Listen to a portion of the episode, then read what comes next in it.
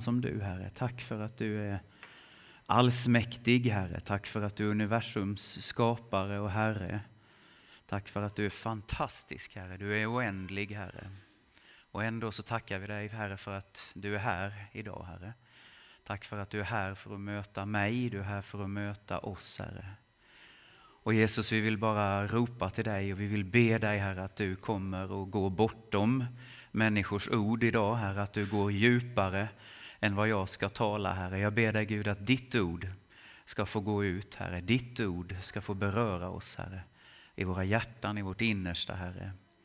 Och hur Guds ande, vi välkomnar dig, Herre. Vi vill säga att du är välkommen hit, Herre. Vi bjuder in dig, Herre. The guest of honor. Eh, kom och gör ditt verk, Herre.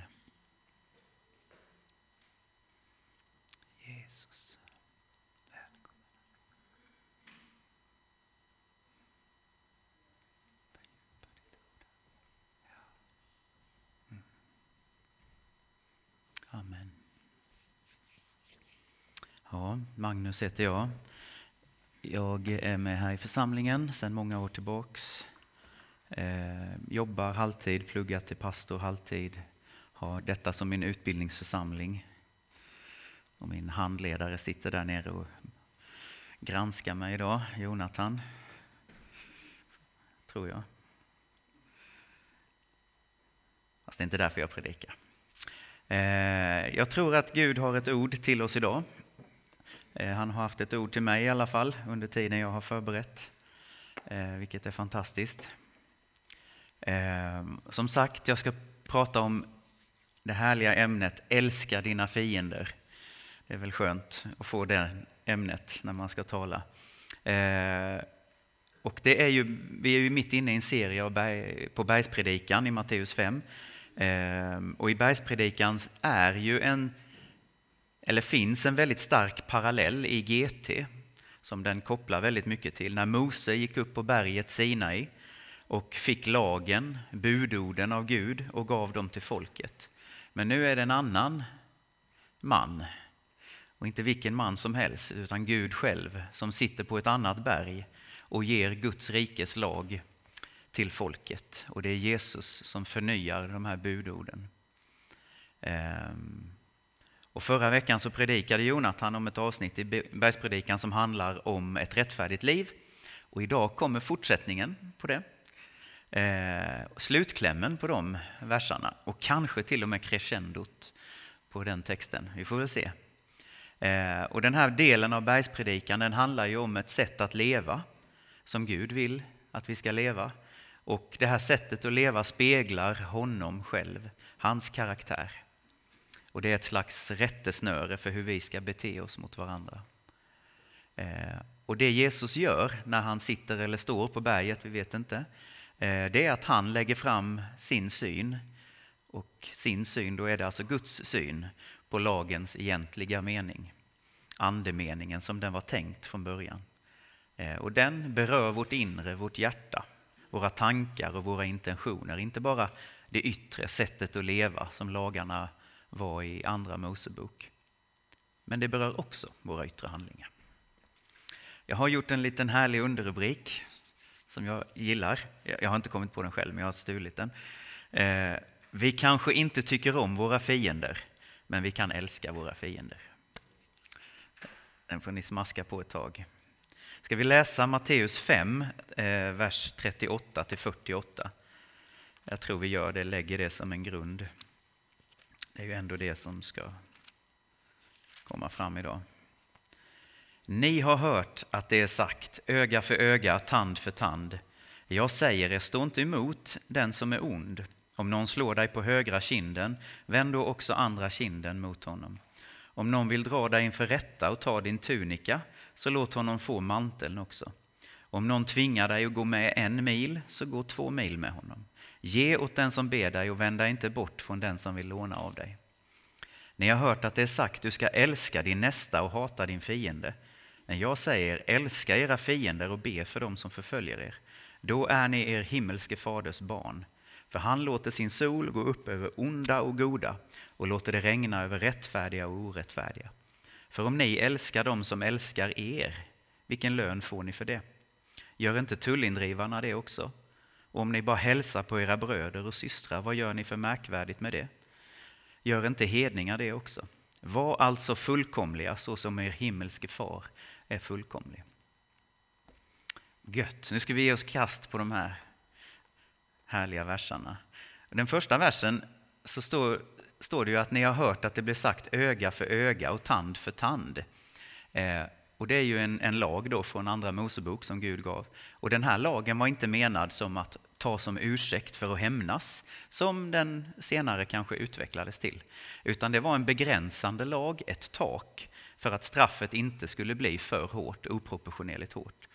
Och den här proportionaliteten då, eller att det inte skulle bli för hårt, eh, att ge tillbaka lika mycket eller hämnas, eh, det var mindre viktigt när lagen kom.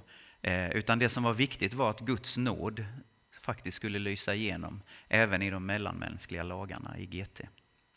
Och det kan vi ha som bakgrund att när vi går in i, i nästa stycke då, eh, där Jesus säger, man kan tänka sig in i ett men före här, det står faktiskt inte i, i Bibeln, men man kan tänka sig ett men jag säger er. Och så kommer han, stå inte emot den som är ond, och om någon slår dig på högra kinden etc. Det vi läste nyss.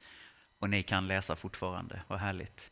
Eh, och de här versarna handlar ju om, om någon slår dig på högra kinden, det handlar ju om dig som människa, din fysiska kropp.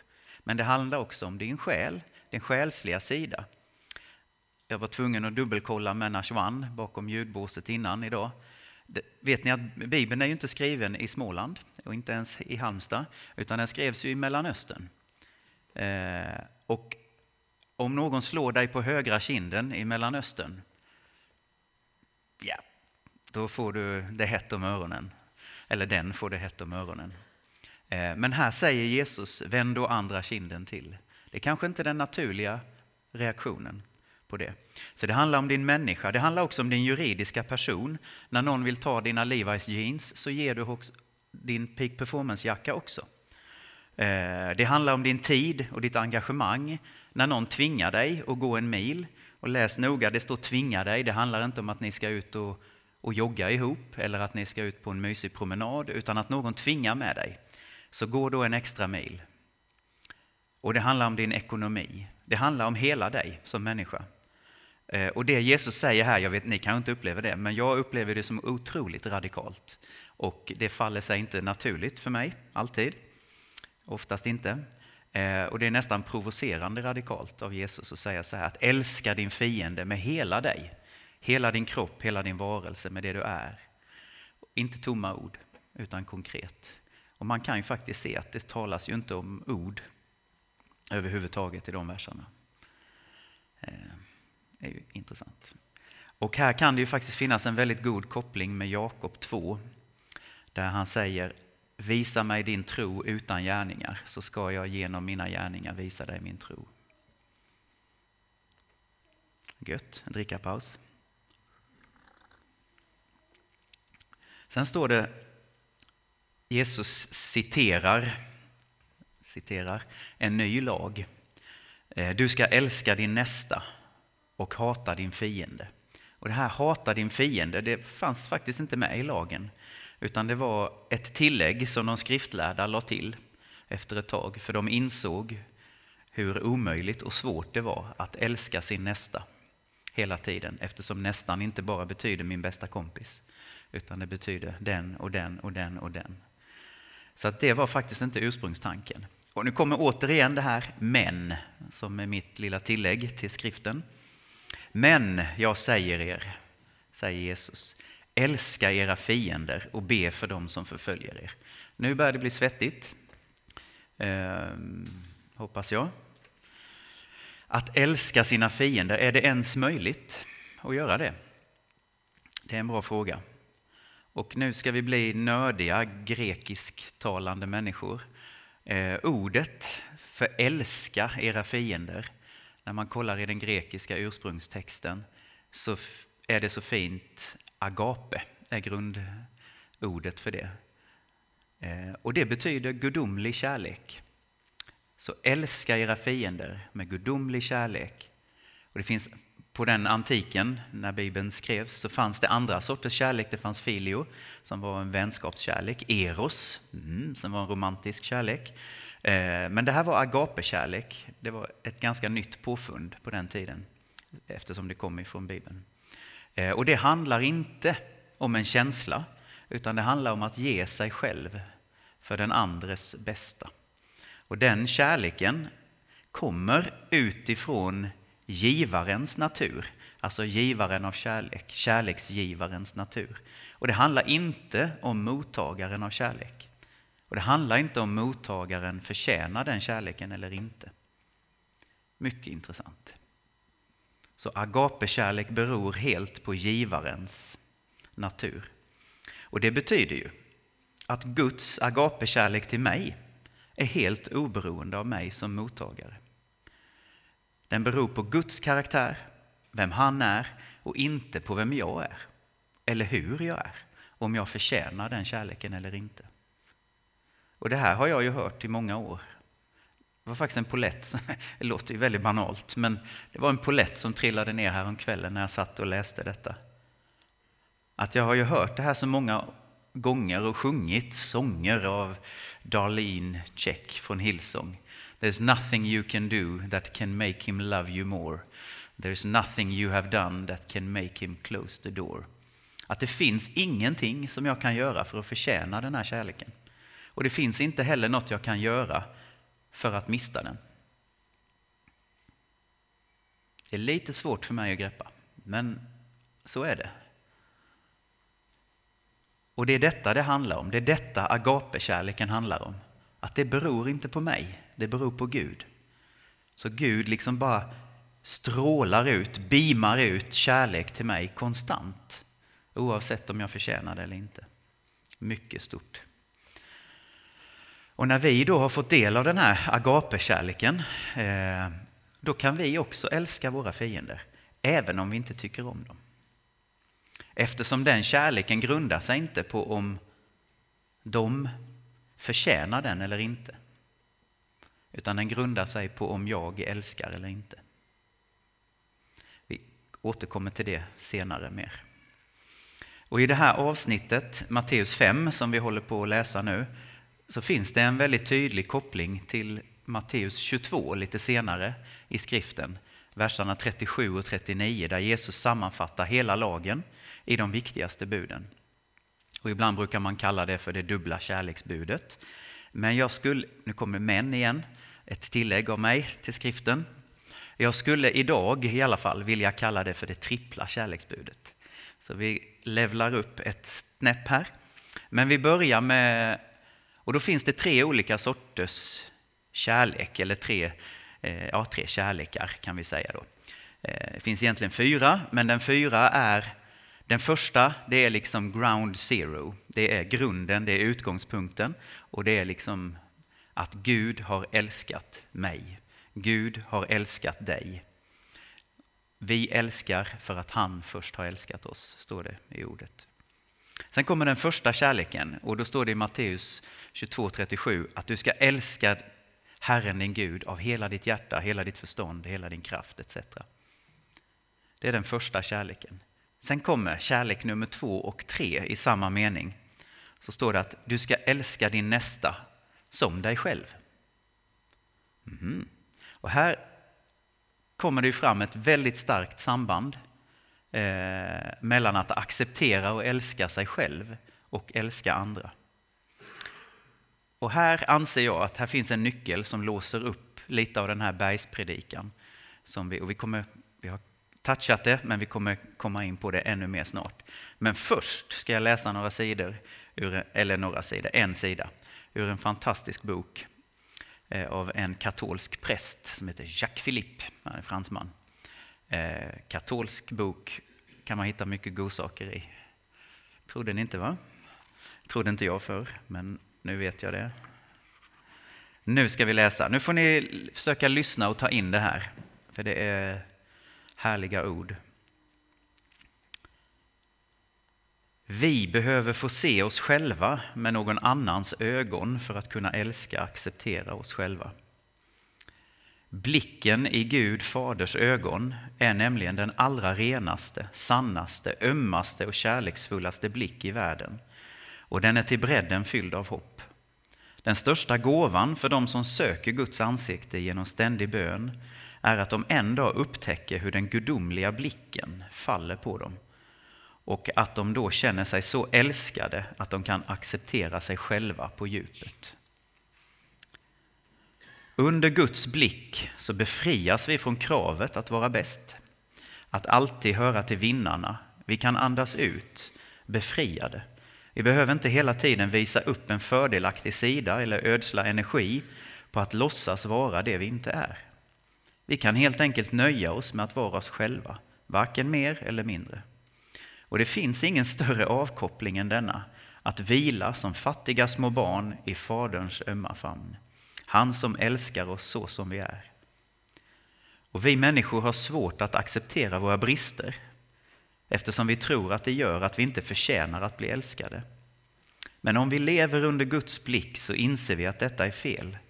Kärleken är en gåva, den är inte något man förtjänar. Våra fel och brister hindrar inte Gud från att älska oss, tvärtom. Så befrias vi från den fruktansvärda och ångestskapande föreställningen att vi måste förtjäna kärlek.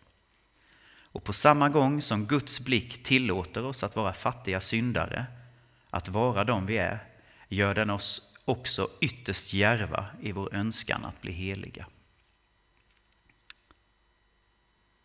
Jättebra, tycker jag. Kärleken från Gud gör att vi älskar honom tillbaka. Men kärleken från Gud gör också, blicken från Gud, kärleken från Gud gör också att vi älskar oss själva. Vi kan se på oss själva som han gör. Så att älska sig själv blir en förutsättning för att älska andra också. Och varför är det så? För att när vi själva har fått erfara Guds agapekärlek till oss, att Gud älskar mig och dig oavsett vad du har gjort och oavsett vad du inte har gjort. Och trots att du och jag inte förtjänar det. När vi har fått erfara det, då kan vi själva älska andra med denna agapekärleken, även om de inte förtjänar det. För hur ska du annars kunna älska någon som inte förtjänar det? Om det inte är på grund av en kärlek som inte är beroende av mottagarens värdighet av den kärleken. Vi kanske inte tycker om våra fiender, men vi kan älska våra fiender. För om det berodde på att man skulle vara värd att ta emot den här kärleken, då hade ingen av oss här kunnat ta emot den kärleken från Gud eftersom ingen av oss är värdig att ta emot hans kärlek. Men eftersom agapekärlek fungerar så att den helt och hållet handlar om givaren av kärlek så kan vi ta emot den. För den handlar inte om dig och mig, mottagarna, om vi är värdiga eller inte. Det här är jättestort för mig. Jag hoppas att, jag tror faktiskt det är någon annan som ja, det här är saker jag har brottats med i livet. Så att när sådana här poletter faller ner så betyder det jättemycket. Att Gud älskar mig, oss, no matter what. Oavsett vad jag gör och inte gör. För jag förtjänar det inte. Sen drar Jesus på ett snäpp till när han säger att vi ska älska våra fiender så säger han sen och be för dem som förföljer er. Så tänker man, kan det inte räcka med att älska dem? Vad jobbig han är. Nej, för att bönen för dem, bönen för våra fiender är en hjälp för oss att älska dem. Det är de vi ber för får vi också Guds hjärta för. Så enkelt är det. Så att det är en hjälp att älska. Sen går han vidare i vers 45. Jag har ingen aning av tiden, så jag kör på. Eh, då är ni er himmelske faders barn. Och på detta sättet, när vi älskar våra fiender, på det sättet så vill Gud göra oss lika honom. så att vi kan älska på ett gudomligt sätt. Då är ni himmelske faders barn. Det betyder att vi har del av samma natur som Gud i så fall. Sådan far, sådan dotter, sådan far, sådan son. Och då gör vi som Gud, då blir vi som Gud. Vi blir inte gudar, men vi blir som Gud. Vi får del av hans natur. Att vi också kan ge ut den här agapekärleken, den här osjälviska, gudomliga kärleken, precis som Gud gör. Men, det låter ju jättelätt. Men det kan vi bara göra och lära oss om vi ger upp vårt naturliga sätt att tänka och vara och göra. Och det är helt enkelt en dödskamp mot den gamla människan, det gamla jaget. Det fanns en, finns en författare i USA som för jättemånga år sedan skrev en bok, What's so amazing about grace? Vad är det som är så fantastiskt med nåden? Och då talar han om grace and gravity, nåd och gravitation. Och han talar om att gravitationen, det är liksom naturlagen som håller oss till det vanliga livet. Att vi ska förtjäna och inte förtjäna etc. Men medan grace, nåden, lyfter oss över det och gör att vi kan välja att leva över gravitationen. Nu menar jag inte alltså den fysiska gravitationslagen, utan vi talar bildspråk. Och att vi kan välja att leva så här.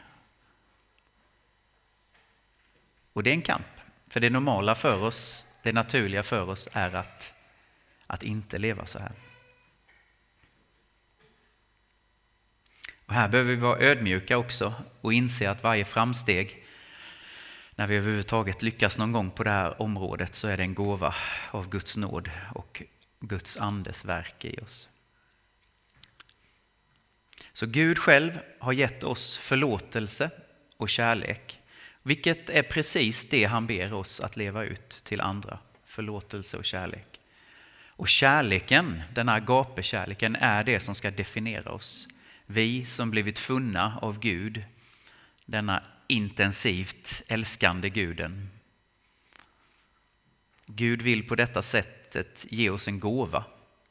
Inte ställa krav på oss, utan han vill ge oss en gåva. Han vill förvandla våra hjärtan så att vi lär oss älska med samma kärlek. Och det kan innebära en kamp, men det är en gåva, en gudomlig kärlek. Sen står det också att han låter sin sol gå upp över onda och goda och rättfärdiga och orättfärdiga, låter han det regna över. Och den här Guds kärlek, den är inte en begränsad kärlek, utan Gud ger den till både onda och goda och orättfärdiga och rättfärdiga.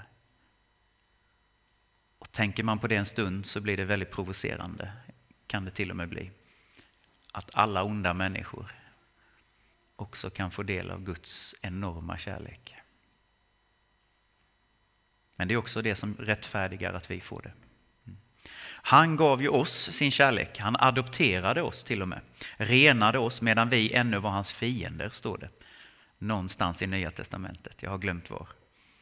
Medan vi var helt ovärdiga och inte förtjänade det, då adopterade han oss. Då tog han upp oss och gav oss sin kärlek. Och det är kännetecknet på Guds natur.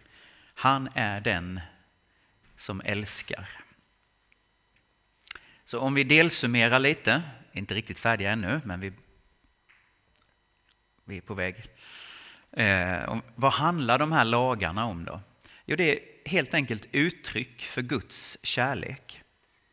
Guds agapekärlek, Guds godhet och nåd som ges till oss allihop. Som inte hänger på dig och mig, på mottagarens godhet eller förträfflighet eller snällhet eller hur mycket man sträcker händerna i lovsång etc utan som helt och hållet beror på givarens kärlek och generositet och karaktär. Det beror helt och hållet på Gud.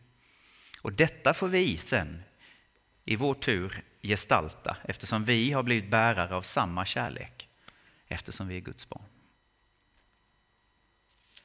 Sen går Jesus in på lite ironi och hetsar lyssnarna lite när han i vers 46-47 går in på att om ni älskar dem som bara älskar er och om ni bara hälsar på era bröder, vad är det för märkvärdigt med det? Och så jämför han det med tullindrivare och hedningar, vilket var de människorna som de som lyssnade på föraktade ganska mycket.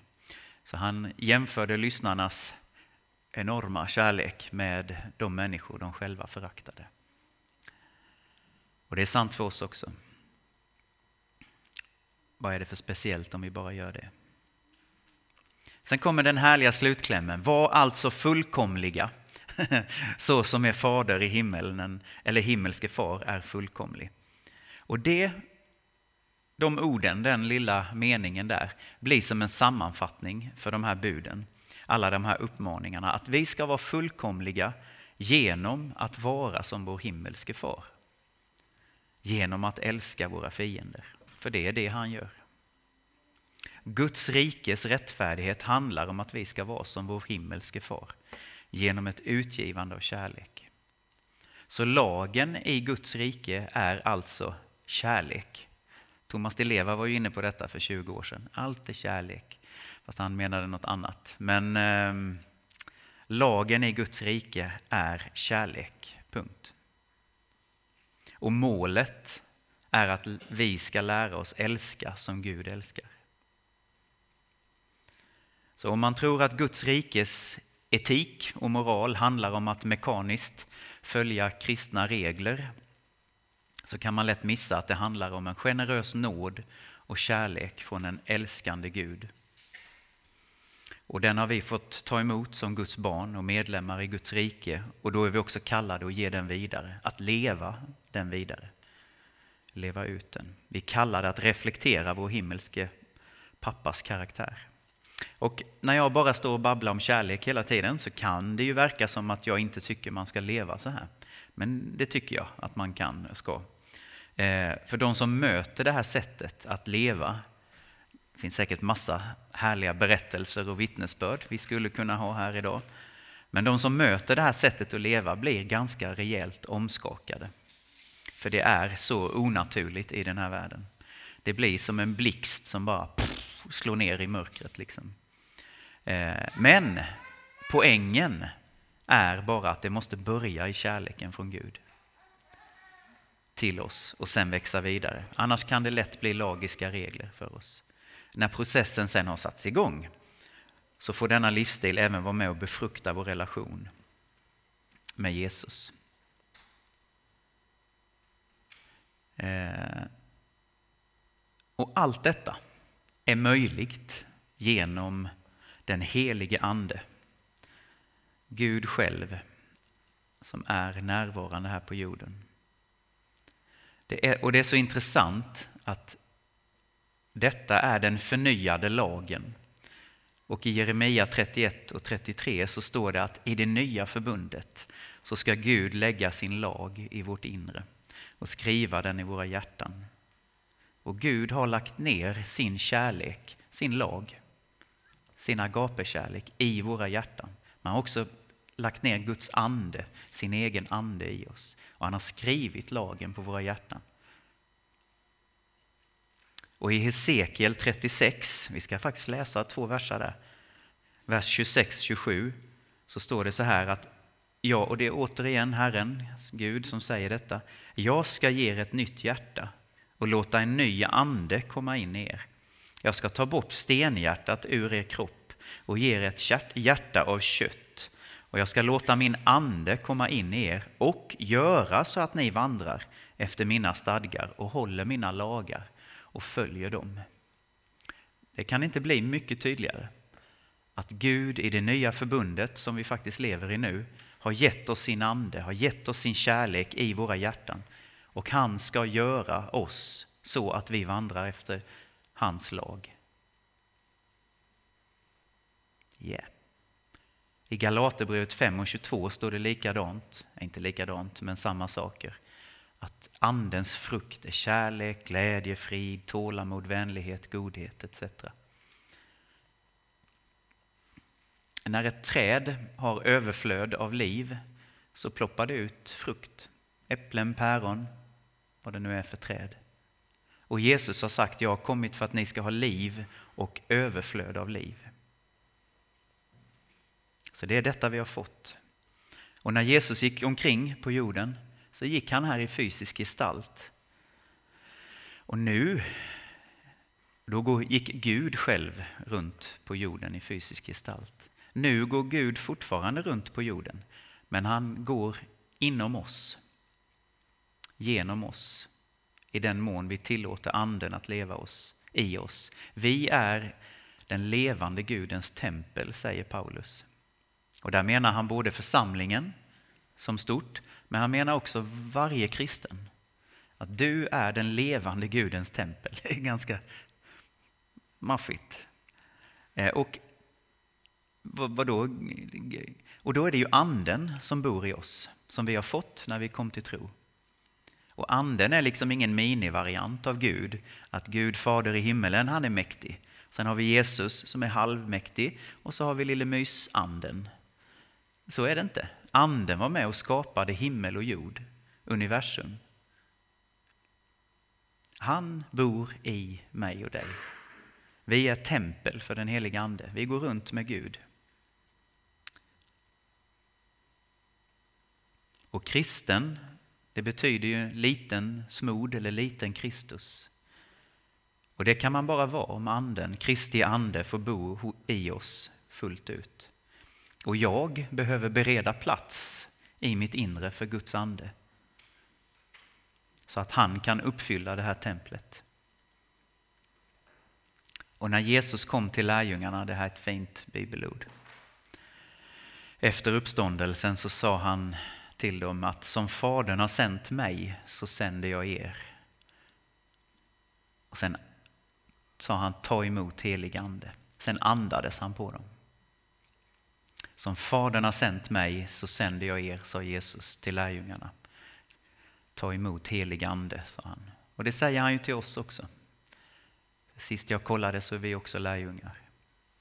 Så som Fadern har sänt Kristus, Jesus, så sänder Jesus oss i Andens kraft. Och det är genom Anden som vi blir utsända att leva det här Kristuslivet, det här livet som vi har läst om och som vi talar om. Och det handlar om att vi ska vara lika Gud själv, ha del av samma natur som han har.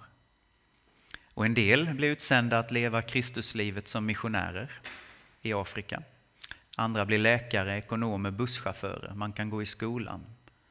Och andra att tjäna människor på olika sätt. Men det gemensamma är att där vi är, eller där du är, så är vi kallade att vara lika Gud själv. Och att leva ut den här lagen av agapekärlek till alla människor. Eftersom vi själva har fått möta den och erfara den och ta emot den. Amen. Jesus, jag tackar dig för din otroliga kärlek som, som är lite mindblowing. Som är otroligt stor, Herre, och svår att förstå till och med, Herre. Tack för att du älskar mig, tack för att du älskar oss när vi som minst förtjänar det, Herre. När dina ögon vilar på oss, Herre, och vi får uppleva och möta och känna Guds egen kärlek och omsorg till oss, Herre hur vi är accepterade av dig, hur vi är älskade av dig, Herre. Tack för det, Herre. Mm. Och heligande, jag vill också välkomna dig, Herre, att, eh, att du gör ditt verk i oss, Herre. Att det här med agapekärlek, hur den får strömma vidare genom oss, Herre. Att du gör det verket i mig, gör det verket i oss, Herre. Så att vi inte bara får bli mottagare av din kärlek utan vi får också bli utgivare av den himmelska gudomliga kärleken till andra, Herre. Så kom Guds helige Ande. Mm.